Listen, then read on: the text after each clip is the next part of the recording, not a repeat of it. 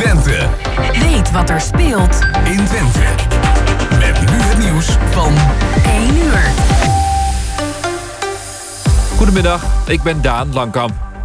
Niet minister Weerwind, maar koning Willem-Alexander moet in Suriname excuses aanbieden voor het slavernijverleden. Dat zegt de stichting die zich ermee bezighoudt. Die denkt dat alleen een optreden van de koning wordt aanvaard door de nabestaanden. Het idee is nu dat kabinetsleden op acht verschillende plekken excuses gaan aanbieden, over een paar weken.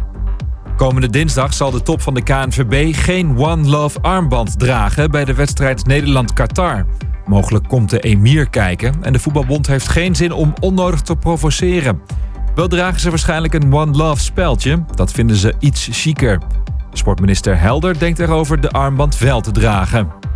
Een brand op station Loenen heeft twee historische treinwagons van de Veluwse Stoomtreinmaatschappij verwoest. Twee andere zijn beschadigd. Mogelijk is het vuur aangestoken. De directeur snapt niet wie zoiets doet. Onze vrijwilligers doen veel tijd en moeite om de treinen en wagons te laten rijden, zegt hij tegen de Gelderlander.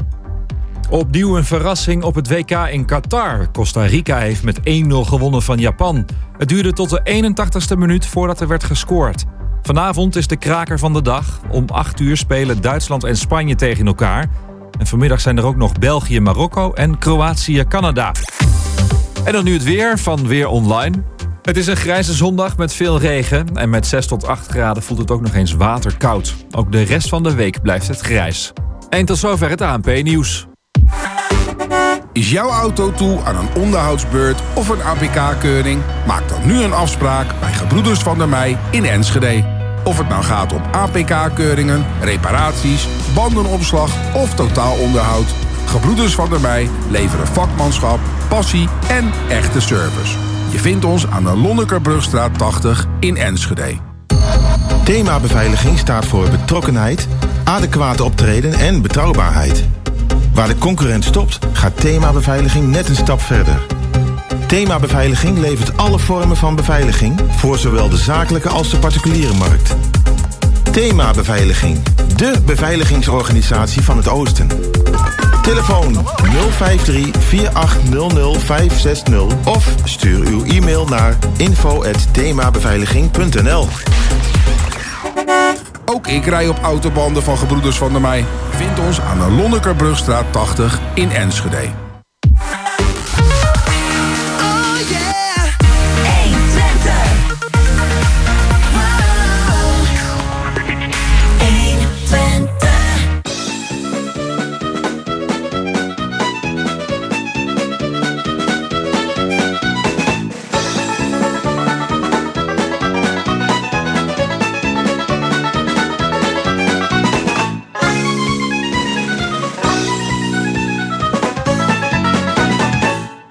Ja, het is weer eh, zondag 27 november. Tijd voor kwartetten, zoals iedere zondag dat is.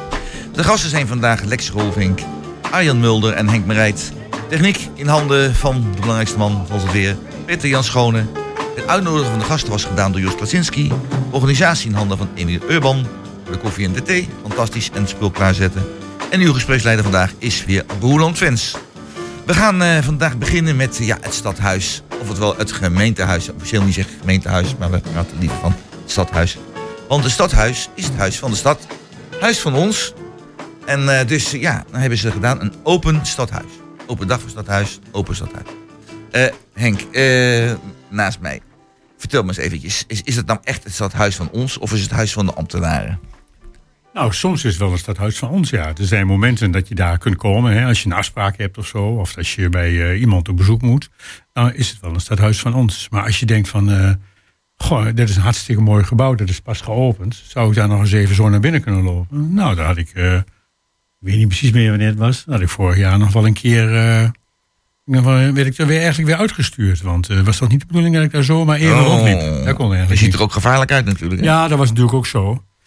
Ehm, kijk, en de- wat ik het meest storende vind is dat als je daar gewoon eh, een, een, een, een afspraak wil maken bij burgerzaken, hè, Ja. dat je dan eh, eigenlijk een afspraak moet maken ehm, ja, via de computer, hè, via internet. En eh, nou, ik ben dan toch wel iemand die denkt van nou, ik loop er gewoon even langs en dan kijken of er even een lange wachttijd is. Is dat niet, dan ga ik daar gewoon naar binnen. Ja, lijkt me normaal. Ja, wel, ja, dat lijkt me normaal. Ja, mij ook. Maar in, de- in deze gemeente kan het niet meer. Dan moet je, je moet echt een afspraak maken. En je wordt ook zo weer eruit gebonjourd. Hè? Ja? Maar je kan ook niet, je kan ook niet zeg maar, daar op een computer eh, even intoetsen wanneer, je dan, wanneer er dan plek is. En ik zie van, eh, nou, er staat hier gewoon een pc, toetsen, kijken even of de plek is eh, over 10 minuten of over een kwartier. Nee, dat kan ook niet. Dus je wordt direct weer uitgebonjourd. Ai, ai, ai, nou, dus dat vind ik niet echt een, Nee. een, eh, een, een, een, een stadhuis van, of een gemeentehuis van de bewoners, van de Goed, burgers. dan ga, ik, eh, dan ga ik naar Arjan toe. Arjan, hoe kijk jij daar tegenaan? Nou, ik heb er niet zo'n duidelijke mening over als mijn, eh, mijn voorganger. Eh, ik weet het Heb jij daar geen... eens. Oh, jou kennen, daar heb je overal een mening over, toch? Ik heb overal een mening over. maar Ja, ik, vertel. Die hoor je straks. Ik, eh, nee, het enige wat ik weet is dat er, dat er nu weer koren optreden. eh, een week geleden geloof ik. Dus dat in die zin het eh, Dat is wel mooi. Als een soort concertzaal wel, eh, wel gebruikt wordt. Dus eh, het is dan eh, wel van ons, lijkt me. Maar ja, dat kun je natuurlijk op allerlei manieren zien. Maar ik ben het helemaal met mijn voorganger eens. Ik vind je moet zo naar binnen kunnen lopen. En eh, Ja. eh, al is het in een hoekje ergens eh, een afspraak maken. Gewoon naar buiten gebonjourd worden is natuurlijk... eh, Ja. Zou niet moeten. Nee, minuten. Lex, waarvoor zou ik jou nou als laatste vragen? Wat denk je hiervoor? Geen flauw idee. Nou, ik denk dat jij zeer goed op de hoogte bent van de situatie in Irritazo. Ik wil jou graag het laatste woord hierover geven. Om zinnige dingen te zeggen over deze zaak. Ja, er zitten natuurlijk een paar dimensies aan. Allereerst, een eh, gemeentehuis is natuurlijk van de burgers. eh, en er werken natuurlijk ook ambtenaren en bestuurders. Dus Ja. eh, het gemeentehuis moet in principe natuurlijk gewoon open zijn. Je moet er vrij toegankelijk naar binnen kunnen lopen. Ja. Echter, in het verleden zijn er ook een paar slechte voorbeelden dat er misbruik van gemaakt is. Hè. De- we denken allemaal aan die gijzeling in de Almelo destijds Ja. van de wethouder. Eh, overvallen op de afdeling burgerzaken. Dus dat er beveiligingsmaatregelen zijn genomen, dat is eh, helaas een uitvloeisel daarvan. Alleen het gemeentehuis in, eh, in Hengelo is een, een- prachtig gebouw waar ook multifunctioneel ingezet kan worden. En, en gelukkig gebeurt dat ook. Ja. Is het een idee wat, wat Henk zegt, hè, van de, om daar een laptopje neer te zetten bij de boot, dat je even kunt eh, in- inloggen om toch een afspraak te maken, niet meteen eruit gebonjourd wordt of zo? Is dat niet een idee? Ja, op zich zou dat natuurlijk makkelijk kunnen. Alleen dan denk ik meteen weer in deze coronatijd. eh, ja, als iedereen achter die laptop zit. Of achter zo'n beeldschermpje zit. Ja, wat moet je dan weer doen met ontsmetting en, eh, en de- dat soort zaken. Oh ja. Ja. Ja, dat zijn weer die negatieve dingen. Maar het gaat primair om, je wilt iemand spreken. Er moet Ja. iemand zijn, er moet een, een gastheer of een gastvrouw. Ja. eh, die moet je ontvangen. Dus nog eens een kopje Zoals, koffie eh, aanbieden. zoals in het ziekenhuis. En als je in het ziekenhuis komt, word je meteen bij de deur al opgevangen. Ja. En meteen op de weg gewezen of zo. Dat is alles. Nou, nou kom ik liever in het gemeentehuis dan Ik in kan het ziekenhuis. Ik kan Maar, eh, voorstellen. ja. Nee, maar- dat is wel, eh, Ja. wel een ideetje. En, eh, en, en het, eh, ja, die open dag is natuurlijk een manier, of één van de Ja. manieren om de afstand eh, tussen, ja, de, de kloof tussen burgers en, eh, en de overheid, om die, het, om die, dus om die te verkleinen. Ja, om die te verkleinen. Want dat is toch wel hard nodig, of niet? Ja, dat is echt nodig. Eh, we moeten het ook van de andere kant ook weer niet zo overdrijven. Ik, bedoel, ik heb wel eens uitgerekend, je komt gemiddeld, ik geloof, eh, 25 keer in je leven, normaal gesproken, op het gemeentehuis. Ja. Voor je paspoort, je rijbewijs, eh, gemiddeld twee kinderen. En dat tel maar uit. Ja. Eh, veel vaker is het ook niet. Dus die dienstverlening moet dan heel goed zijn. En het gebouw moet heel toegankelijk zijn. Ja, en de laatste keer van je leven kom je niet meer. Oh nee, na je leven kom je, kom je er wel. Moet je Nee, het dat doen anders ze voor je voor doen. je. De laatste keer Wordt ze voor je gedaan. Wordt voor je gedaan. Ja, ja. Eh, goed, nou, dat, eh, laten we hopen, en ik denk dat jullie het met me eens zijn, dat het goed is dat eh, het stadhuis ook open is voor de mensen. Veiligheid is natuurlijk belangrijk, moeten we in het oog houden, dat is het punt. Maar het zou eh, toch wel goed zijn na de beurs. Want over het algemeen, het valt mij op dat steeds minder mensen belangstelling hebben over wat er eigenlijk in het stadhuis gebeurt. Eh, het, het lijkt net alsof ze zeggen van, joh, nou, nou, het, het zou mij wel, eh, wel roesten, het zal, er gebeurt allemaal niks. Dus, Ja, maar de ervaring heeft uitgewezen, je raakt de mensen pas echt als het over de eigen straat, de eigen woonomgeving, eh, als er iets moet gebeuren van waar komt de lichtmast, waar komt de parkeerplaats, waar Ja. komt de oplaad, het oplaadpunt ook voor een ja. nieuwe auto, dat soort zaken. Dan raak je de mensen echt en dan komen de mensen ook in het geweer. Ja. Plus, dit Arjan. is natuurlijk weer die kip-ei-redenering. Net als de bank die nu sluit. Eh, ja, het gaat maar door. Hè? Eh Groot-Driene, het aantal bussen wordt minder. Eh, ja, gek dat er dan steeds minder mensen in zitten. Dan worden het nog minder. Eh, dus, hè, dus in die zin denk ik... ja, ook al komen er misschien niet zoveel mensen... al kun je veel thuis achter de computer. Ik, ik weet niet of je erin mee moet gaan in die beweging. Als je denkt, het is een, een, een, net- als de leegstand van winkels. Het zijn ook ontmoetingspunten. Dus je kunt het allemaal puur zakelijk afvinken. Zeggen, zo, zo gaan we dat doen. Er kan wel weer een stekkertje uit hier of daar. Ik denk dat dat, als je het op die manier bekijkt... en daar heb ik nogal de neiging toe, ietsje groter... dan, eh, Ja, dan, dan moet je afvragen of je, het, eh, of je dat zo moet Ja, doen. de- ik- ik- een breed, Henk, een, een, een, een breed maatschappelijke zaak eigenlijk, als ik het zo zie. Want eh, Arjan noemde al de winkels, de bank noemde hij al. Hè. We raken dus de ABN AMRO raken we kwijt aan Enschede. Eigenlijk, eigenlijk is er in Hengelo geen bank meer. Ja, de Ik geloof, Rabo nog, hè? Nee, nee, nee, nee. De Rabobank. Ook niet meer? Nee, er is een aanloopbalie, maar daar kun je niks. Er is helemaal niks eh, wat daar gedaan kan worden.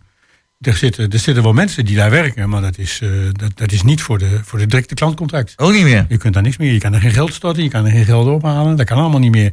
Die banken die hebben helemaal, ja, die hebben kennelijk helemaal een andere doelstelling gekregen in hun bestaan. Welke doelstelling hebben ze dan? Ja, nou, dat is wel een mooie vraag. Ik denk dat het vooral gaat om, eh, om geld verdienen zonder klantcontact. Alles gaat eh, via het internet. Ook oudere mensen, en dat, eh, nou reken ik mezelf nog niet helemaal toe, maar toch wel een beetje. Ook oudere mensen die toch eh, zeg maar, eh, op, op een wat nou, individuele manier willen praten met iemand van een bank. Nou, dat is, dat is vrijwel uitgesloten. Dat kan eigenlijk niet. En dan zijn er banken die diensten aanbieden als, ja, dan komen we bij u thuis. Nou, maar hoe moet je dat dan doen? Ja, dan moet je via, eh, via de telefoon of via internet moet je een afspraak En maken. dan krijg je iemand die ook bij opsporing bezocht komt. eh, ja, dat- dat kan ook nog een keer. Hè, maar dat is, eh, moet je hem ook niet hebben. laten Maar, dat, even buiten Ja, beschouwing, beschouwing houden. Maar, Ja. maar ehm, Lex, ben je het met me eens dat de, de, het eigenlijk steeds onpersoonlijker wordt, contact tussen de mensen? Of Ja, ver- maar- vergis ik mij nou in? Ja, maar misschien willen we dat met z'n allen wel zelf. We, Ja. bedoel, vroeger gingen wij eh, gewoon eh, eh, op, op, op de zaterdag en de zondag, we gingen winkelen. Moest je kijken Ja. hoeveel er tegenwoordig digitaal gebeurt. Hoeveel bankzaken er digitaal gebeuren. Dus past de bank, eh, de bedrijfsvoering daarop aan. Ik ben het overigens volstrekt eens met Henk. Je moet bij een bank binnen kunnen lopen. eh, en gewoon als je behoefte hebt aan een persoonlijk Ja. contact. Ja. Dat moet gewoon geregeld zijn. Net als bij het gemeentehuis. Dat moet Ja. gewoon geregeld zijn. De, de, eh, Arjan zegt eh, kip-ei, dat is natuurlijk ook het verhaal. hè. Kijk, als je je dienstverlening steeds verder afschaalt, dan kom je natuurlijk ook niet meer bij die bank. Als, jij, eh, als jij mensen doorverwijst naar het internet omdat het handiger is, of kostenbesparender, of weet ik wat van onzin, dan kom je daar niet meer. Kijk, die banken maken ongelooflijk veel winst. Die maken eh, miljarden hè, per kwartaal. Hè. Ik geloof ING, ik weet niet hoeveel, maar er zijn ongelooflijk veel winst. Terwijl ze in leven geroepen zijn om eigenlijk eh, geld te bewaren, geld uit te lenen, dienstverlening aan burgers of aan mensen. Maar het gaat alleen nog om het verdienmodel. En de burger die is dan weliswaar degene waar het om gaat, of om zou moeten gaan, maar dat is nauwelijks nog aan de orde. Ik weet nog in de jaren 70 dat je allemaal binnengehaald werd. Hè? Van neem bij ons een bankrekening. Want eh, Ja. hè, dat kost niks, dat is gratis. En u krijgt enveloppen hiervoor en enveloppen daarvoor. Fantastisch, kom bij ons, kom bij ons. ABN AMRO, post, postcheck en girodienst. Ja. Dat na, die naam kennen we nauwelijks nog. Maar al dat ING soort, overgenomen. werd allemaal binnengehaald. En eh, ja, nu moet je er gewoon voor betalen. Hè? Ik geloof Ja. dat ik 7 euro per maand betaal voor twee bankrekeningetjes. Nou, ik heb eh, eh, recent, ik, ik, ik, ik heb een andere nevenfunctie en eh daar moesten wij ook bankzaken regelen. Ja. We zijn nu een kleine zes maanden bezig om het allemaal geregeld te Ja, ja, krijgen. ja. Zo. Ja. Ja, ja. Het is nog steeds niet. eh, Oh, jongen, jongen, eh, jongen. ik heb de envelop nu in de auto liggen, die gooi ik straks op de bus en daarmee is het volgens mij nu allemaal geregeld. Hopen dat je een brievenbus kunt vinden. Ja. Ja, je, weet, je weet er nog in? Ik weet er nog wel een, ja. Ja, dus eh, eh, ook dat is, is, is, steeds, eh, Ja, dat is, komt, is, eh, steeds, eh, steeds minder geworden. Ja, ja. ja. ja dus ik, ik heb er wat moeite mee. Maar goed, ik ben ook eh, over een paar weken word ik dan 73 en dan maak je de dingen niet mee. Maar ik heb moeite met dat soort dingen om het allemaal voor elkaar te krijgen. En ook eh, het punt van eenzaamheid. Hè? En het is al een aantal keren is dat aan de orde. Deze week stond toevallig niet in de krant, maar eh, andere keren wordt er wel over gesproken. Als het steeds onpersoonlijker wordt alles, neemt dan de eenzaamheid onder mensen ook niet toe. Dus je hebt geen contacten meer. Je kunt in feite alles kun je thuis van achter je computertje kun je doen en je hoeft niet meer naar buiten toe. Ik denk het zeker. Ik, ehm, ik denk dat het nog breder is. We hadden het voor de uitzending al heel eh, even over de fietssnelweg en eh, Ja. het min of meer ASO-gedrag daar. Ik, ik, ik denk dat het echt allemaal samenhangt, dat soort dingen. Als alles onpersoonlijker wordt, als jij mensen minder tegenkomt, eh, minder het normale, eh, eh, zeg maar, persoonlijke verkeer. Ja, dan worden wat men zegt de lontjes korter. En dat is in de supermarkt. Dat is ook als jij, hè, als jij met je scootertje op het fietspad net niet snel genoeg kunt.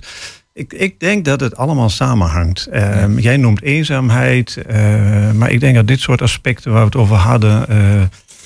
Ik denk dat het allemaal samenhangt. Ik denk mensen zijn, zijn sociale dieren. Mensen moeten elkaar tegenkomen. Mensen leren van elkaar. Ehm, ik ben sinds een half jaar eh, in twee dagen tijd twee keer opa geworden. Prachtig. Dan zie je weer eh, Ja. jonge spruiten opgroeien en heel erg veel leren. bij de groei Ehm, van Nederland. niet alleen door migranten, maar ook door onszelf. Dat is en dan eigenlijk een denk uitzondering ik, geworden. Ja, en dan denk ik, het, het is gewoon zo. Ja. Wij, wij leren van elkaar. Ook Leren sociaal zijn. Ja. En, ja, en daar hoort die eenzaamheid absoluut bij. Ja, Ja, zullen zo meteen nog even over dat fietsen, want dat is wel een, over een ander punt ook. Maar even het, het punt bij elkaar. Het zou gewoon goed zijn, ook in Hengelo, want Hengelo in, in de tijd, hè, want Henk weet dat wel, ik ken Henk ook al 50 jaar ondertussen, denk ik het wel, Henk ik niet ook. Ja. Eh, en eh 50 jaar. Maar eh, toen ik hier kwam, was Hengelo echt een middelgrote stad. Met, met een heel levendige eh, centrum, met, met een, echt een levendige wijk. Veel contacten, het was helemaal geen probleem. Maar ik denk, als ik nu in Hengelo zou komen wonen, vanuit een ander deel van het land, kom ik op een hele andere cultuur terecht. Dan heb je gewoon een andere cultuur dan het westen van het land. Dan wordt het toch wel lastig om, daar, eh, om eraan te wennen, denk ik hier zo. En daar ligt eenzaamheid, ook voor jonge mensen, ligt toch wel op, eh, op de loer. Ik denk dat dat zo is. Ik denk dat eh, als je kijkt naar alle Noordwijk en je woont bijna in Borne, je voelt je denk ik nauwelijks nog Hengeloer. Dan ligt daar die grote snelweg. Het, het, is, het is wel een vreemde, verknipte stad eigenlijk geworden Ja. hoor. En ehm, nou ja, ik, ik, ik denk dat het een goed teken is als je ziet hoe de horeca hè, herrijst, zou ik bijna zeggen. En, Ja. en, en uitdijt. Dus eh, eh, het is natuurlijk hartstikke goed teken. Mensen willen elkaar zien, anders dan eh, draaien ze daar geen omzet. Dus dat is volgens mij wel een bewijs dat, dat, dat die behoefte er is. De behoefte is er wel. Absoluut. Ja, maar ja, niet, Behoefte alleen door horeca. Kijk, in horeca gun ik dat van harte natuurlijk. Maar ik denk gewoon het, het, het, het leven in de straat, in de eigen omgeving, waar je de mensen die je ontmoet. Ik denk dat het toch wel heel belangrijk is Ja. dat je mensen blijft zien. Ja. Ja, behoefte aan contact, hè, dat is er natuurlijk altijd. Ja. Maar dat wordt ook voor een deel veroorzaakt omdat wij natuurlijk vreselijk doorgeïndividualiseerd zijn. En we moeten allemaal vooral voor onszelf zorgen. Hè. De solidariteit tussen mensen, dat is een beetje verdwenen. Hebben we ook eh, allerlei politieke groeperingen eh, hebben daar eh, hard op ingezet. Hè. Het moet Ja. allemaal niet zo De zijn. maatschappij, zoals Ja, Mark nou, Rutte zegt. Ja, ja, nou ja, je noemt, je, je noemt hem, ik hoef hem niet te noemen, want het is zo duidelijk als wat. En het is allemaal vooral je eigen hachie redden en de rest is allemaal niet zo interessant. Hè? Dan moet iedereen zelf maar doen. En dan krijg je dus dan krijg je en versnippering van, ehm, ja, van systemen, hè? van mensen die met elkaar omgaan. Hè? Er is geen solidariteit. Je ziet het ook aan het verenigingsleven. Dat is Ja. echt sterk aan het verdwijnen. Wat enige wat er overblijft is een beetje de sport. Dat bestaat dan nog wel aardig hè, als vereniging. Maar verder alles wat daar buiten valt. ehm, ik zou zeggen muziekverenigingen, eh, toneelverenigingen, eh, noem maar op. Dat is toch allemaal langzamerhand aan het verdwijnen. Ja, maar ook Dus- de sport kan alleen maar gedijen bij voldoende vrijwilligers. Nee, dat is ook, dat is ook, dat is en- en- waar. en- ook daar Dat- zie je het dus Ja, misgaan. Daar zie je het ook misgaan. Maar dat is nog, eigenlijk doen die het nog beter als, eh, als alle andere verenigingen, denk ik. Maar het is, eh, zeg maar, alle cultu- culturele verenigingen die zijn vrijwel aan het verdwijnen. Het eh, duurt nog een paar jaar en dan is het Ja. noemde- Arjan? Jij noemde volgens mij één belangrijk woord wat overal eh, in zit, systeem, zei jij. En dat is voor mij eh, sowieso altijd de kern. Wij denken, als, wij denken altijd in losse probleempjes. We zien een probleem en dan gaan we oplossen. En we snappen niet dat alles met elkaar samenhangt. En we kunnen ons opwinden over een bank die sluit. We kunnen ons opwinden over eh, al of niet ingehaald worden op een fietspad. Ehm, ik ken bijzonder weinig mensen die drie stappen achteruit doen en zeggen: hé, hey, maar hoe hangt dat nou allemaal samen? Moeten we niet eens iets groters gaan kijken en gaan denken? En ik denk dat het eraan komt. Als je nu kijkt naar alles rond milieu, dan hoor je de kreet steeds vaker. Hè? We moeten niet alleen maar kijken naar CO2-uitstoot. Kijk naar alle mijnen in Congo en eh, Indonesië, waar alle. Ja. alle ehm, nou ja, waar alles geruineerd Oh, ja. wordt om de accu's voor de auto's te kunnen maken. Dus het, het, je moet niet Het hangt, heel veel dingen hangen, hangen Precies, samen. Precies. En eigenlijk hebben we het idee, we worden allemaal op school ook systematisch worden wij als een soort machine, als een onderdeel Ja, van de muur van ons allen, worden wij gevormd. Dat is logisch. En dat je, brengt je met dat volgende in onze muziekje. wereld. Dus daar word je voor, voor klaar. En muziekje is van Pink Floyd. In dat tijd in Berlijn hebben we het allemaal kunnen zien. Met slecht geluid trouwens. Cindy Loppe was er ook nog ook bij- bij. Another Brick in the Wall.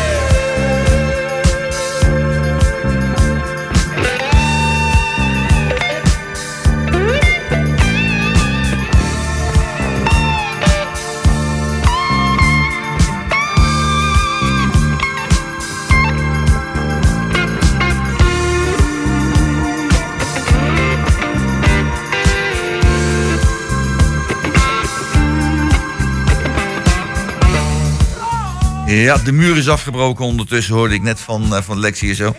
Eh, ja, we, stoppen ermee. Het is eh, een prachtnummer van Pink Floyd. Dus We know Don't Need No Education. Nou, ik denk het wel. Want een van de dingen die ook speelt op het ogenblik... dat is zeg maar, het respect van de mensen voor het gezag. We hebben dus niet over macht. Hè, het gaat over gezag. Ik hoorde dus een jongetje zeggen op de radio... van niet hier, maar bij een andere zender... eh, roepen van... eh, ja, ik luister naar die, naar die, die, die vrouw daar zo, wil die even hoofddoek om. En luister ik niet naar. Maar, zei die interviewer, er is nog een politieagent. Ja, nou, een politieagent met hoofddoek luister ik naar, niet naar. Het is toch echt zot voor woorden dat kinderen, en het was een jongetje een jaar of twaalf, zo reageert. Dat is toch een, een schandaal, Arjan? Wat vind je ervan? Ja, dat denk ik wel. Maar ik denk dat het ook weer een uitvloeisel is van, ja, ik denk, ik, ik denk dat opgroeien is gewoon leren van elkaar. Is gewoon mens worden. Dat, moet- kun je alleen maar doen door af te kijken. Te zien hoe het hoort. Hoe anderen zich gedragen enzovoort. En ik denk dat dat een beetje een punt is. Dat te veel jongeren nu op straat belanden, met hun vriendjes bezig zijn of op de bank met de Gameboy bezig zijn. En ehm, nou ja, we zijn natuurlijk ook in een maatschappij beland waar iedereen wel ongeveer moet werken. Ehm, dus kinderen gaan al heel jong eh, naar de crash, naar de dagopvang, naar eh, noem maar alles. Ehm, ja, ik weet het niet. Ik, ik denk dat dat allemaal een beetje meespeelt. En ehm, ja, wat je niet leert, dat, dat, dat, zul je ook niet laten zien. Ja, hè? Dat Henk. komt er ook niet uit. Eh, ben je het er met hem eens? Nou, ik vind kinderen die naar de crash of de dagopvang gaan, ik denk dat die nog wel in een bepaalde sociale context opgroeien. En dat vind ik nog niet zo erg. Dat, daar heb ik niet echt heel veel bezwaar tegen. En ik heb veel meer bezwaar tegen kinderen die waarvan de ouders eh, niet eh, de kinderen naar de dagopvang of de buitenschoolse opvang doen. En die dan na schooltijd op, school, op straat zwerven. Ik denk dat dat veel meer een risico is. Ik denk die kinderopvang, dat is nog wel, eh, daar ben ik nog niet zo bang voor. Het gaat heel erg om kinderen die, ja, zeg maar in een leeftijd zitten waarin ze eigenlijk wel wat thuis zelfstandig zouden kunnen zijn. Hè? Een paar uur, dat zou nog wel kunnen, maar niet nou op straat gaan zwerven. Nee. En die dan, waarvan de ouders, ja inderdaad, net zoals Arjan zegt, allebei moeten werken om het hoofd boven water te houden. Ja, dan eh, geen geld hebben voor de kinderopvang, voor de buitenschoolse opvang. En dan moeten die kinderen eigenlijk worden aan hun lot overgelaten. Ja, dat vind ik wel een ernstig probleem. Ja. Lex, speelt dat hier, denk je, ook in het oosten van het land zo erg, of niet? Ja, volgens mij speelt het overal. Eh, zie, zie, vanaf het be- begin van je opvoeding krijg je je normen en waarden mee van, van je ouders, van je familie, van je omgeving. Eh, en hoe ouder je wordt, hoe meer je gaat ook socialiseren met je omgeving. Ja. En, en je, je, je, je gaat ook ontdekken van wat het beste bij jou past. Maar als, als in die opvoeding daar iets misgaat of iets minder, eh, minder gaat, ja, dan mag je hopen dat er een omgeving is die je bijstuurt. eh, dat de familie je corrigeert. En eh, zoals vanmorgen op de, op de televisie was een programma dat eh, ja, echt de criminaliteit onder, onder jeugd, dan hebben ze het over 12 tot 16-jarigen. Die Een de- 16-jarige moordenaar, hè? een 16-jarige moordenaar in Rotterdam. Dat is. Ja, ik zal niet zeggen dat het vroeger niet voorkwam. on- Ongetwijfeld wel.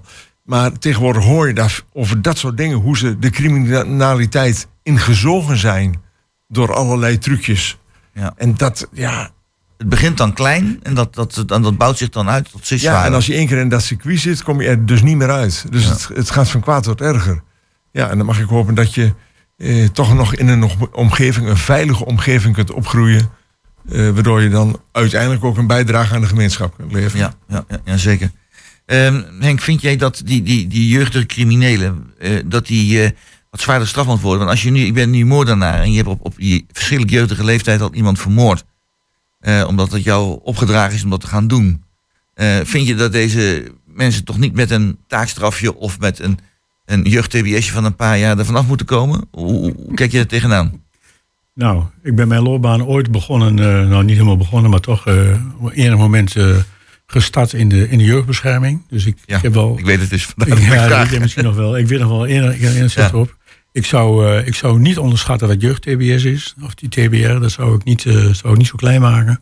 Dat is echt geen fijne situatie voor, voor jongeren. Ehm, en ik denk dat je altijd moet kijken naar de omstandigheden waarop deze kinderen eh, hierin terechtgekomen zijn. Dat heeft echt ook te maken met, eh, ja, met, met, met de sociale context waarin ze grootgroeien. Maar het heeft ook te maken met, ehm, ja, met deze samenleving waarin alles eh, groot en mooi moet zijn. Hè? En waar je vooral, als je daar niet op een normale manier aan kunt voldoen, dan ga je op een, op een minder normale manier ga je daarvoor zorgen. En dan moet je zorgen dat je geld krijgt. En dat geld, daar kun je aankomen door, ja, door drugs rond te brengen. Of door een keer iemand in elkaar te slaan. Of eh, nou, in dit geval, waar we het over hadden, misschien wel iemand eh, overhoop te steken. Ik denk niet dat het doel is van die jongens ook niet om iemand echt dood te maken. Daar geloof ik echt niks van. Ik geloof wel dat het erom gaat om iemand eh, zo schrik aan te jagen. En ja, ik denk dat het heel vaak misgaat, omdat ze niet goed weten wat ze eigenlijk doen. Kijk, we weten allemaal, we weten allemaal dat gewetensontwikkeling, dat is, ehm, eh, dat, dat is pas afgerond als je een jaar of 4, 25 bent. Ja. En dus niet als je 16 of 15 of 14 bent, dan is dat veel moeilijker. En daarom is het ook hartstikke eh, risicovol, die leeftijd. Dus dat, dat zijn dingen die we niet, eh, niet, niet zo gewoon. De taakstrafjes voor iemand die doorgestoken wordt, dat komt eigenlijk niet voor. Ik geloof Nee. niet dat dat zo is. Nee, oké, gelukkig niet. Eh, Lex, vind je niet dat de maatschappij beschermd moet worden tegen dit soort kinderen? Ja, wie Want het is in feite eh, voor een groot gedeelte, als ik het zo hoor, eigenlijk al te laat. Hè? Als, als, als een, een, een een jongen of een meisje zo jong al zo, zo ver weggezakt is. Ja, maar te laat, dat is iets van we leggen het hoofd eh, te rusten en, eh, Dat is niet en, de- en we geven het op. Dat nee. mag het dus nooit, Nooit zijn. zijn. En of je nou eh, moet praten dat de maatschappij die jeugd moet beschermen, of dat die- de, ja, wij met z'n allen die maatschappij moeten beschermen, dat weet ik dus niet. Maar Nee. er ligt een verplichting, echt Ja. een verplichting, niet een taak, maar echt een verplichting op ons allen, om ervoor te zorgen dat iedereen op een veilige manier in een sociale omgeving eh, kan opgroeien. Ja, dat, vol- volgens mij moet daar onze focus op liggen. Goed, nou dan gaan we naar het eh, volgende muziekje. En ik. Ja? Ma- Mag het even wat rustig aan gebeuren? Heb je het nog even niet? Maakt me niet uit hoor. Ja, maar het volgende muziekje. En het volgende muziekje is. eh vaak even aan de ding. Oké, ja, oké. You Rock My World. En er staat de radio edit van eh, ja, Michael. Eh, ja. Van Michael. Ja. nou, Michael Jackson denk ik. Ja, Michael Jackson. Dan hoor ik, weer- ik ben niet meer van deze tijd geloof ik. Het is erg. Het is erg. Eh, Henk, lach me niet uit. Het is Oh, erg ik, eh, genoeg. ik hou me in, vind ik wel. genoeg uit. Genoeg uit. genoeg. Ga naar luisteren. Jo.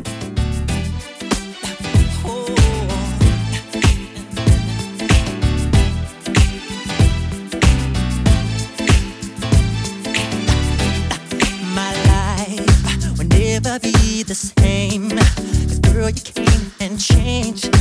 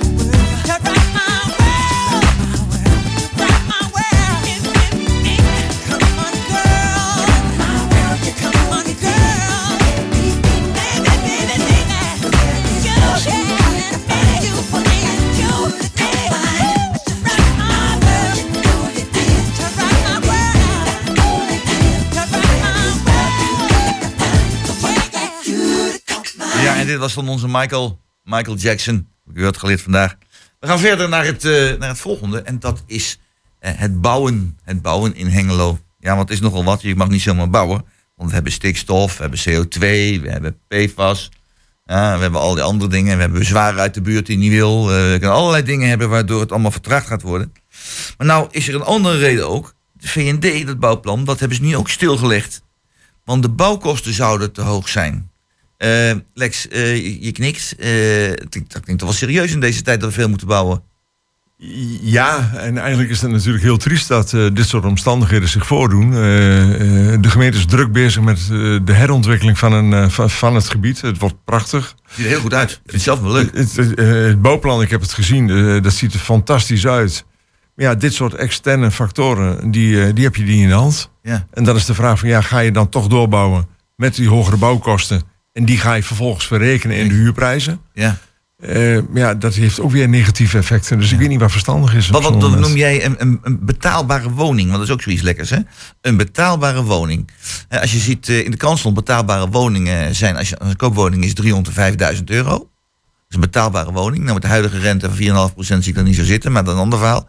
En huren, ja, als het niet sociaal is, is 1200, 1400 tot 1500 euro een zogenaamd betaalbare huur. Ik ben het niet mee eens, of wel? Ja, ik weet niet. eh, ik, ik, ik heb niet echt een beeld van wat is nou de, de, de goede huurprijs of de goede koopprijs. Daar heb ik eh, geen beeld. Waar ik wel van overtuigd ben, is als je bouwt, want volgens mij in alle groepen, en of het nou jeugd is of ouderen of ertussenin, eh is behoefte aan huisvesting. Ja. Op alle vlakken hebben wij een tekort. Dus het zorgt altijd voor een zekere mate van doorstroming. Van welke groep je ook bouwt. Alleen het moet niet onhaalbaar zijn dat je te kleine woningen voor een te hoge prijs hebt. En of het nou koop of huur is, maakt dan voor het verhaal even niet uit. En wat noem je nog een betaalbaar iets? Heb je daar geen beeld van of ik, zo? heb daar, ik heb daar geen beeld bij, want ik relateer het heel snel aan het, eh, het inkomen wat iemand dan vervolgens kan betalen. Dus dan heb je het eerder over welk percentage. En ook daar heb ik niet echt het scherpe beeld van. maar, een, wat, wat heet dan eh, modaal inkomen? Eh, Ja, modaal inkomen is geloof ik, wat was dat? Eh, 35.000 euro geloof ik, hè? ja, per jaar. Ja, Per jaar. Is Ja, dat, is, zijn deze categorie, voor, voor het gemiddelde dus, is daar, zijn er nog woningen voor in de komende tijd, denk je? Ongetwijfeld. Ongetwijfeld zijn er woningen voor. Alleen is dat eh, het ideale, eh, het ideale flatgebouw waar je wilt wonen? Of is dat de ideale woning waar je wilt wonen? Eh, willen wij meteen eh, het beste huis hebben voor onze, voor onze toekomst? Of zijn wij bereid om eh, TZT nog eens een keer te gaan verhuizen... om naar een andere woning te gaan, als je daar de middelen voor hebt? Ja. Je kunt niet meteen van de begane grond op zolder Ja, springen. ik ga even, naar- even naar Arjan. Ik, ik herinner me uit de begin jaren 60. Toen eh, werden daar ook in Hengelo eengezinswoningen gebouwd. En daar waren ze best trots op. Maar het waren dus kleine eengezinswoningjes met kleine woonkamertjes van 20 vierkante meter of zo, eh, echt klein. En dan twee of drie slaapkamertjes, echt kamertjes boven, met één toilet beneden. Dat was genderneutraal, dat scheelde weer. Maar goed, in ieder geval, het was een, eh, een eh, één toiletje. En dat waren dan woningen die in het begin jaren 60 geaccepteerd werden. Maar als je nu dus een woning moet hebben, op de eerste plaats moeten allemaal klimaatneutraal zijn. Ze moeten dikke muren hebben, ze moeten eh, een behoorlijk groot oppervlak hebben. Eh, er moet van alles aan gedaan zijn, moet van het gas af. Eh, dus ja, dat kan toch niet meer voor, voor een, een redelijke prijs, Arjan? Oh, dat kan vast wel. Ik Ja, er hoe helemaal dan? niet in. Ja, ik ben niet deskundig, maar alles kan. Als wij wat willen, dan, eh, dan kan dat gewoon. Wat ik, wat ik lastig vind, als ik dat stuk lees, dan kom ik niet verder dan het woord investeerder. Ik heb het niet eens uitgelezen, het stuk, want ik denk, daar gaan we weer hoor. Er zijn dus mensen met. eh, eh, hè, die willen gewoon er geld aan verdienen. Dat is dus het Ja. echte probleem. Ik denk dat er. ehm, ik, kijk, ik zit zelf in Groot Driene. Het huis is leeg inmiddels. Kinderen weg. Ik wil best heel graag kleiner wonen. Wat jij nu net schetst zou hartstikke mooi zijn. Sterker nog, ik zou erg graag een tiny house willen. Nou, Tiny la- house. Je lacht Dat is je een huisje uit natuurlijk- de jaren 60, een klein tiny house. Precies. Tiny house is nog En kleiner. misschien is dat wel heel tiny, misschien wil ik er wel anderhalf. Maar dat zou helemaal goed zijn voor mij en mijn vrouw. En dan kan de kleinkind ook nog komen logeren. Ja. Maar wat zie je? Het wordt weggestopt in een plas modder naast de spoorlijn. Daar staan een paar tiny houses. Ja. Eh, die worden er nu alweer uitgeduwd door nieuwbouw. Ehm, en dat de hoeft niet. Dat hoeft niet. Dat zijn dus keuzes die je als gemeente wel degelijk kan maken.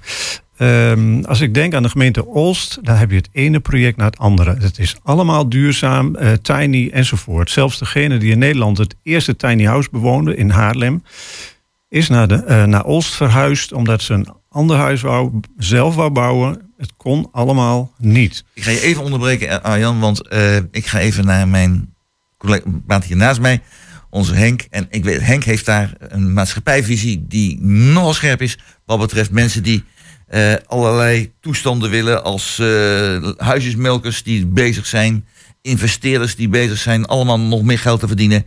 En wat de kosten gaat van de kleine man en vrouw in onze samenleving. Zie ik dat verkeerd? Of, eh, Nou, ik weet niet of ik nou zo'n maatschappijvisie op heb. Ik, wat ik wel weet is dat eh, in de gemeente Hengelo, eh, zeker in de binnenstad, daar wordt eigenlijk alleen maar gebouwd door projectontwikkelaars en investeerders. Ja. Als je als gemeente wil zorgen dat die binnenstad be- bewoonbaar is voor allerlei groepen mensen, dan moet je ook zorgen dat daar betaalbare woningen komen. Dan moet je als gemeente ook misschien wel investeren in huizen. ja, wat, zijn betaalbare woningen volgens jou? Ik heb het Nou, ik denk niet verder eh, mee. Maar... een huurprijs van 700, 800 euro in de maand. Dat moet echt mogelijk zijn. Daar heb je ook nog wel kans op huursubsidie, geloof ik, als je boven de 700 Wat moet een huis dan kosten als je het wil bouwen of voor zoiets? Verkoop? Verkopen, maar verhuren ook. Want Althans, als je eh, een huis moet bouwen, dat kost dus geld hè, om te bouwen. Eh, bouwkosten worden hoog gezegd, wordt gezegd. En wat mag een huis dan maximaal gaan kosten? Voor, een, voor, een, voor de woningbouwvereniging of voor, een, daar voor heb iemand die bouwt? Nee, die technische kennis heb ik niet. Daar kan ik echt geen, geen zinnig woord over zeggen. Ik weet wel dat als jij, als jij eh, appartementen bouwt.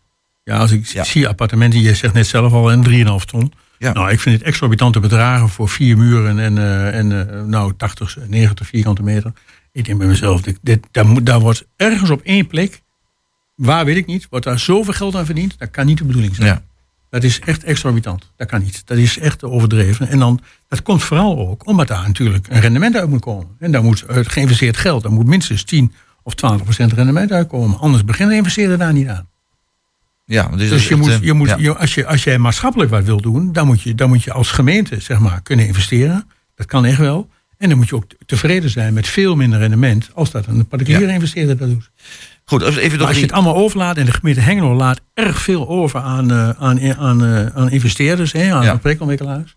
Ja, dan, eh, dan gaat het ook mis. Als we kijken naar, naar bestaande woningen. Hè. Dus nou is afgesproken in Wolde, Grootdriene, ook delen van de binnenstad, dat de opkoopbescherming komt tegen huisjesmelkers. Ja. Hè, want die speculanten, die zitten de starters in de weg. En eh, de eigenaar moet er nou minstens een paar jaar hebben gewoond. Ja. Om daar, of, en jij hebt gewoond geval om dat te doen. Ik vind dat een goede zaak. Of moet er nog veel meer gebeuren? Nou, je, je wordt in een paar wijken genoemd. Ik weet niet of, of waarom dat nou beperkt moet worden tot wijken. Ik zou dat gewoon voor de hele gemeente eh, inzetten. Dat soort dingen. Ja. Het hoeft natuurlijk niet alleen maar in deze wijk aan orde te zijn. Daar komt het wel veel voor, dat begrijp ik ook wel. Er zijn vaak huizen uit de jaren 70, 80. En die zijn natuurlijk niet zo heel duur meer als je die koopt. En ik denk dat je bij ons, bij ons in Groot-Driene eh, huizen van eh nou, 2 en een kwart ton, 2 ton. Hè? En die kun je nog wel, die kunnen, kennelijk kunnen die nog wel een keer gekocht worden. En dan laat je daar, eh, nou, plat gezegd, vier arbeidsmigranten in wonen. Ja. Voor eh, 400 euro per maand een kamertje. Nou, dan tel uit je winst. En Ja. dat gaat wel goed. Daar kun je rijk van worden. Nou, rijk van worden in elk geval. Kun Nou ja, je is wel in een die- grote Mercedes rijden. Ja, dat in de tijd, een paar maanden geleden had je die, die, die Elio, geloof ik, dat, Ja, die, die, die, die ja. man. Ja, maar het gaat me niet om die. Advocaat. Gaat Nee, gewoon even in, Ja. in voorbeeld. Nee, voorbeeld, ja, een dat, voorbeeld. dat gaat mij niet om. Ik, eh, dat is allemaal prima of niet prima, maar dat vind ik niet zo'n punt. Ik bedoel, dat, dat, dat mensen, kennelijk doen we dat. Vinden we dat ook allemaal, allemaal moeten kunnen. Hè? Ik ken ook wel mensen die vier, vijf huizen hebben dat verhuren aan, aan studenten. En dat vind ik ook allemaal niet zo erg. Dat mag ook allemaal wel. Maar, het wordt, als het, maar dan komen we weer bij systemen. hè. Als het maar geen systeemsituatie is. Hè? Als je mensen, eh, we kennen onze prins eh, Bernhard heet die geloof ik. Die dan in Amsterdam eh, een paar honderd woningen heeft. Ik denk ja, ja natuurlijk is daar niks op tegen. Nee. Maar het deugt natuurlijk voor geen meter. Ik ga even, naar- even naar Lex. Lex, eh, misschien denk je er wat genuanceerder over het verhaal, of denk je hetzelfde? Hoe, eh? Nee, dat is een vooronderstelling. nee, nee, nee, ik misschien, misschien.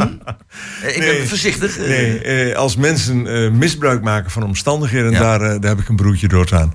Dus als, eh, als er investeerders zijn die huizen opkopen en vervolgens verhuren. Ik heb daar helemaal niks. te- da- daar, is op zich niks niks. daar is op zich niks eh, tegen.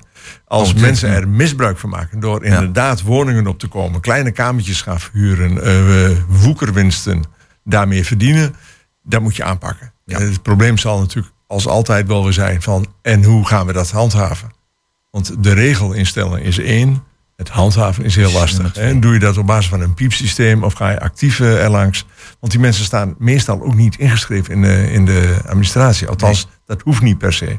Dus hoe controleer je vervolgens dat systeem weer? Ja. ja. Maar goed, Arjan. Wat, eh, wat, eh, wat Henk net aangeeft van Hengelo. Sorry, ik, ik zal iets dichterbij. Ja, zeg al, Wat Henk eh, net aangeeft. Hij eh, haal het eventjes gezegd, want je was inderdaad onverstaanbaar. Ja, nee, ik ben het eens met wat Henk net zei. Hengelo laat het ook wel heel erg op zijn beloop. En dat vind ik even, ja, misschien wel het grootste probleem. Ehm, ik zit hier eh, letterlijk te kijken naar eh, de oude Bataafse kamp. Ehm, Het moet allemaal duurder, duurder. Dat kan, dat kan heel anders. Eh, in Groot-Driene, vlakbij mij, al die sportvelden... Die gaan dus weg. Er is dus weer een investeerder die daar eh, een mooi plan voor heeft gemaakt. Want er komen een, een, een zeer beperkt aantal grote villa's eh, wonen in het groen. Dus ik kan daar straks niet eens meer wandelen. Ehm, als je kijkt bij Enschede, bij het vliegveld. Daar kunnen zo belachelijk veel woningen staan. Nee, daar gaat het niet om. We bouwen er tien voor kapitale bedragen. Daar verdient de gemeente het meest aan enzovoort. Dus dat, dat, dat systeem vind ik niet goed. Ik vind dat dat niet in balans is. Ik vind het prima. Ik gun iedereen alles. Maar ja, ik denk dat het klopt wat Henk zegt. Dat, dat die overstijgende visie, hoe willen wij dat eh, eh, regelen? Ehm, Ook voor mensen die het niet zo breed hebben. eh, hebben die genoeg mogelijkheden? Ik denk dat dat tegenvalt. een technische vraag aan, aan jou. Is het zo dat Hengelo bij nieuwbouw, in nieuwbouwbuurten, nieuwbouwwijken, 25% sociale woningbouw moet hebben? Volgens mij was er een, in het verleden was er een afspraak over. Ik weet niet hoe het nu is. Ik ben een tijdje uit. Toen ik in de gemeenteraad zat, was dat zo. Was dat Er zijn, er zijn eh, heel veel gemeenten die hebben, ze, eh, die hebben een percentage erin staan. eh, om ook voor die doelgroep, die die woning moet hebben, dat te kunnen bouwen. Ja. Eh, en dat betekent dat de, de grondprijs voor de andere woningen dus iets hoger wordt. Dat is de, de, de consequentie daarvan. Is dat slecht? Nee, absoluut niet. Want je moet voor alle groepen in de samenleving moet je bouwen. Dus wat mij betreft ook die dure villa bij eh, Vliegveld Twente. Ja. Of in het buitengebied van Hengelo. Want ook daar moet ruimte voor zijn. Maar zeer zeker ook voor de, voor de sociale huurwoning. Iedereen moet kunnen wonen in. Iedereen moet kunnen, Kunnen wonen. wonen. Iedereen Ja. kunnen wonen. Oké. Goed. ehm, ja. Ik kijk even naar de klok. Ik denk misschien nog even een tijd voor een muziekje tussendoor. Van, eh, zullen we Breakthrough van Queen doen? Gaan we dat doen. Breakthrough van Queen.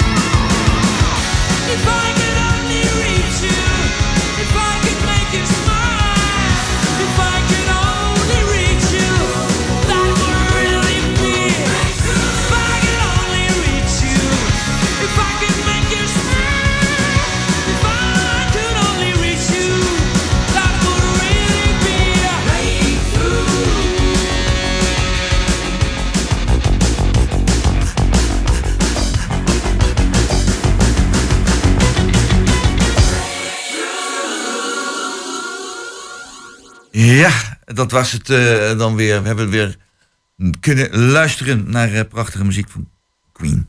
Nou, eh, we gaan even nu luisteren naar een heel ander verhaal. Ja, ik wil eerst beginnen over dat Sinterklaas een Zwarte Piet had ontslagen. Een vorm van racisme. Laten we dat maar niet doen. Laten we dat maar niet doen. Sinterklaas is geen racist natuurlijk. Maar het, we gaan nu kijken heel wat anders naar de, de fietsers. En want er wordt steeds meer gefietst. En dat is, wordt gestimuleerd, dat is een goede zaak. Ik heb zelf nog een Mi-bike, heet dat. Ik moet zelf trappen. Ik denk dat dat gezonder voor mij is. Ja, als je oude man bent, dan moet je dat doen. Eh, maar het aantal fietsongevallen is eh aardig toegenomen. En nu las ik in de krant dat 80% van alle fietsongevallen eenzijdig zijn. Dat wil zeggen dat een fietser eh, zomaar ergens tegen een boom is beland. Zonder dat hij gehinderd werd of wat dan ook. In ieder geval eenzijdig verkeersongevallen. Eh Henk, eh, je bent van de Fietsersbond, heb ik begrepen. Ook ja. Oh, weer. Jij doet nogal wat, hè? Geweldig. Ja, Nee, wat is eh, van de Fietsersbond? En 80% eenzijdige ongevallen. Nou, dat is toch wel heel goed tegen de vergrijzing van de samenleving, lijkt Nou, me zo. uitstekend zou ik zeggen. Nee, dat is een beetje cynisch. Dat is heel cynisch, weet ik, maar het is wel Eh, erg.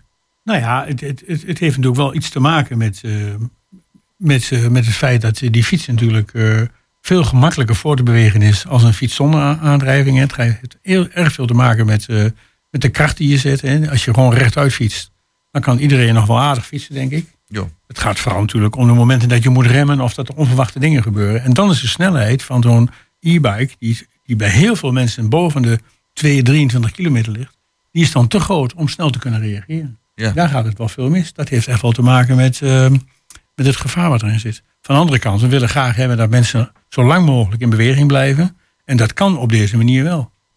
Dus dilemma. Nou, dat is, één, dat is één punt. Een andere punt is dat er op je fietspaden tegenwoordig zo druk is. Hè. Het zijn snelfietsen. Hè. Het zijn die scootertjes zonder helmplicht. Nou, dat is gelukkig per 1 januari afgelopen. En dan krijgen we helmplicht voor snelfietsers. Nou, het zal mij benieuwen wat dat op gaat leveren. Ik denk dat al die bromfietsjes omgebouwd worden naar gewone brommers, zeg maar. Gewone, Oh, kan. ja, dat kan. Dus die verdwijnen dan van het fietspad. Dat vind ik dan nog wel mooi. En we hebben de speed pedelecs. En die gaan eh, nou, maximaal 45 km per uur. We hebben eh, nou, individuele, maar vooral ook groepen wielrenners. Hè, die ook heel hard gaan. Die gaan, eh, nou, die gaan voordat je het in de gaten hebt ook wel 40 km per uur. Ja, en zo wordt het natuurlijk steeds drukker op die fietspaden. Nou, maar je hoort inderdaad steeds vaker hoor je klachten van mensen die gewoon aan het fietsen zijn. En dan komen ze een groep wielrenners aan. En eh, die duw je die mensen zo van, eh, van het fietspad af, bij wijze van spreken. En ja, ik, heb het zelf, ik heb het zelf ook meegemaakt dat ik door een groep wielrenners weggeduwd word. En dat ik zeg van, kun je niet even uitkijken? En dat ik dan op een gegeven moment wordt een lichaamsdeel van mij genoemd. Eh, eh, wat erbij Ja. hangt. En eh, Ja. dus wat ik dan zou zijn. en dan krijg ik ook nog de middelvinger. Dus dat is niet leuk. Ja, nee, dat is niet leuk. En We hebben natuurlijk allemaal, te maken met re- recreanten, met name op zondagmorgen. Hè. Dat is natuurlijk de, de topmomenten waarop dat gebeurt. Dat is ook absoluut waar. We weten ook van de groepsdynamica dat als je in een groep bent en in een groep beweegt met gelijkgestemden, dat je dan nou, minder, minder goed je fatsoen kunt houden als wanneer je individueel fietst. Hè. Dus Ja. groepen wielrenners van tien of meer, dat is sowieso al een probleem. Hè. Of van vijf of meer, dat is sowieso al een probleem. En het heeft natuurlijk ook weer alles te maken met eh, welke normen en waarden hang je. Ja. ja Eh, nee, dat kan Lex, ehm, jouw eh, naam betekent iets van wet ook, geloof ik. Hè? Lex betekent ook iets Ja. van. Ja, Ja, van, van, klopt. eh, van hoe kijk jij daar tegenaan? Moet er niet strengere regels komen om eh, de, de gewone fietser te beschermen op het fietspad? Ja, nou, ik, ik heb het natuurlijk ook gelezen van die 80% van eh, het aantal fietsongevallen dat het eenzijdig is. Het lijkt me wel goed om even, ik weet niet of dat kan, eh, daar ook een analyse op los te laten. En wat is dan dat eenzijdige? Is dat eh, dat mensen geschrokken zijn? Eh, is dat eh, ze willen opstappen en ze, en ze, en ze vallen weer van die fiets af? Eh, zijn dat eh, de trottoirbanden? eh, eh, waar ze tegenaan fietsen. Hè? Want dat heb je ook nog wel eens een keer. Je wilt uitwijken en dat kan niet. Eh, vervolgens, het gebaar wordt hier al gemaakt. eh, de mensen met te veel drank op. Ja. Ja. ja, als dat eenzijdig is, denk ik van, nou, had je niet zoveel moeten zuipen. Maar goed, Al- als ze maar veilig vallen, eh, denk ik dan altijd. Eh, dus die analyse is wel van belang. Maar eh, als het, eh, eh, ik, ik heb het hier vaker bepleit voor de microfoon. Als je in het verkeer bent, ben je samen in het verkeer. En je moet elkaar respecteren. Eh, de weg is niet van één persoon, de weg is van ons allen. En als je de fietser ook eh, een beetje ruimte gunt, dat hij ook veilig kan fietsen. En niet met de auto afsnijden of asociaal gedrag gaan vertonen. Volgens mij kun je dan een heleboel voorkomen. Maar het begint natuurlijk bij de fietser zelf. En op een gegeven moment moet je ook als fietser, zeker op oudere leeftijd, de conclusie trekken. Misschien is het voor mij niet meer de meest veilige manier van Veilige- voortbewegen. weg om Ja. eh, Ja, maar het kan dus een diversiteit aan oorzaken zijn Ja. die om verschillende maatregelen vragen om het percentage naar beneden te krijgen. Vind je, vind je Arjan niet dat eh, de fietspaden, zeker de snelfietspaden, verboden moeten worden voor fietsers? Eh, want... eh, Ah, nee joh, hou daar Nee, op. ja, nee, dan kun je, dan kun je in ieder geval de, de mensen met een speedpedelecs en, en andere voertuigen Nee, andere- we zijn, aangedreven. we Kun je zijn de fietsers gewoon- eraf van de fietspaden en dan Ah, joh. onder erop. We zijn gewoon terug bij AVO, de uitzending begonnen. Het gaat om goed fatsoen, om sociaal gedrag. En dat is iedere keer weer de rode draad. En hoe we dat voor elkaar krijgen, weet ik niet. Het zijn voor een deel natuurlijk aanloopproblemen. We zijn ontzettend blij dat er zoveel mensen op de fiets zitten. Ja, dan gaan de dingen mis. Ja. Nou ja, dat ging met de eerste auto's ook in 1930. En eh, ik, ik zie het allemaal wel goed komen. Eh, nee, Ja, dus ik zou, ik zou niet al te veel gaan verbieden. Ik zou het ook dit weer zoeken in respect voor elkaar. en hoe dat moet, dat weet ik ook niet. Maar Een samenleving dan moet een samenleving beetje- zijn. ja, ja. Ja, ik heb eh, mijn, Ja, mijn ja. laatste boek wat ik schreef heet Een Stap Terug. Nou, dat. eh, ik zat al met, eh, met Jos in de uitzending en die vroeg: moeten we dan allemaal weer in de tijl op zaterdag? En bedoel je dat dan? Nou, misschien niet. Maar ik denk dat. ik, ik noem mezelf hartstikke progressief. En ik, ik denk dat we best een stap terug kunnen wat dat Ja. betreft. En, en daar horen normen en waarden bij. Terug naar de, en, naar de kachel. Ah, voor mijn part. Maakt Ja. me niet uit. Maar ik denk, ik denk een boel kamertemperatuur over- van 17, 18 graden, wat Ik- vroeger was. ik- denk dat we met tien jaar eh, Rutte een boel hebben weggegooid. En eh, ja, geweest, die je kunt hè? niet iemand alles in de schoenen schuiven. Daar doen we allemaal aan mee. We zitten ook weer in een systeem Ja. natuurlijk. En dat gaat in kleine stapjes. Eh, dat snap ik wel. Maar ja, we hebben, ik denk dat we iets te veel hebben weggegooid. En een stukje te veel- fatsoen te- eh, Te veel weg. Nou, Lex. Maar op het fietspad eh, hoort daarbij misschien. Ja. Ja, Lex. Ja, ik, ik, eh, voor, voor, voor een deel, eh eh, Arjan, kan ik er mee- in meegaan. Eh, het gaat me te ver als je het zegt op, eh, eh, op één persoon. Het is een ontwikkeling in de samenleving die het er is. Nee, dat zei ik. Het woord Ja, systeem maar, valt eh, ook eh, hier weer. even Hè? verder, ja, Nee. Dat Ja. klopt. Eh, Het is eh. Rutte. Ja. Volgens mij heeft het daar niet mee te maken. Het is een ontwikkeling in de samenleving die er is. Eh, van hoe je met elkaar om wil gaan. En, en die tendens, die, die was, daarvoor was die ook al aanwezig. Die, die, loopt al tientallen jaren. Ja. Ik weet nog de tijd dat ik ooit eh, door twee agenten werd aangehouden... omdat mijn lampje op de fiets niet brandde. Nou, Ja. ik weet niet of je dat tegenwoordig nog meemaakt... of ze daar überhaupt de tijd voor hebben om dat te doen. Maar de, de, het sociale gedrag, het omgaan met elkaar... Dat, dat staat los van, van wie aan het roer van het land staat. Het- Dat kan wel, maar ik- als ik jij, als jij zegt Ik- dat ik het al op begon mijn- voordat ik kijk hij even aan op het mijn roer klokje was. hier zo. En ik zie dat we minder dan twee minuten hebben. Ik geef mensen altijd graag op het einde even de gelegenheid om een korte opmerking te maken. Ik ga even eerst naar Henk toe. Korte opmerking. Nou, ik denk dat die, eh, dat die asocialiteit, en laat het dan zo maar noemen, wel iets te maken heeft met de manier waarop het land bestuurd is. En ook wel te maken heeft met, met het, het gegeven dat we allemaal heel erg voor onszelf moeten zorgen. En niet meer voor elkaar. Oké, ik ga nu naar Arjan. Is even de laatste. Laatste kort hè, Arjan? Kort. Helemaal mee eens. En als je zegt het was al gaande, dan eh, was dit misschien niet de roerganger die nodig was om het eh, enigszins eh, stop te zetten. Een andere proces. grote roerganger Ja. uit China zo. Ja, Dus, goed. ja. Eh, Lex. eh, ik respecteer iedereen in zijn of haar mening. Ja, nou, dat vind ik, vind ik, ik vind een fantastische manier om deze uitzending af te sluiten. Bij ons aan tafel zaten dus eh, Lex Rolvink, Arjan Mulder en Henk Merijt. Techniek werd weer perfect gedaan door Peter Jan Schone. De gasten werden uitgenodigd door Jos Klasinski. Organisatie van alles door Emiel Urban. En ik heb dit gesprek mogen leiden. Ik heb me vandaag weer prima vermaakt. Ik hoop het de volgende keer weer eh, te mogen doen. Ik eh, wens dus iedereen zometeen een, een hele fijne zondag. Als ik naar buiten kijk, denk ik... misschien is het heel goed om nu naar de sport te luisteren. Hier zo op 120. Hè, want eh, het is een beetje druilerig weer.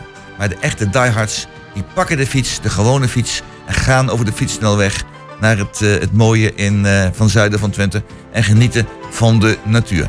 Mensen, ik wens u allen een hele fijne zondag.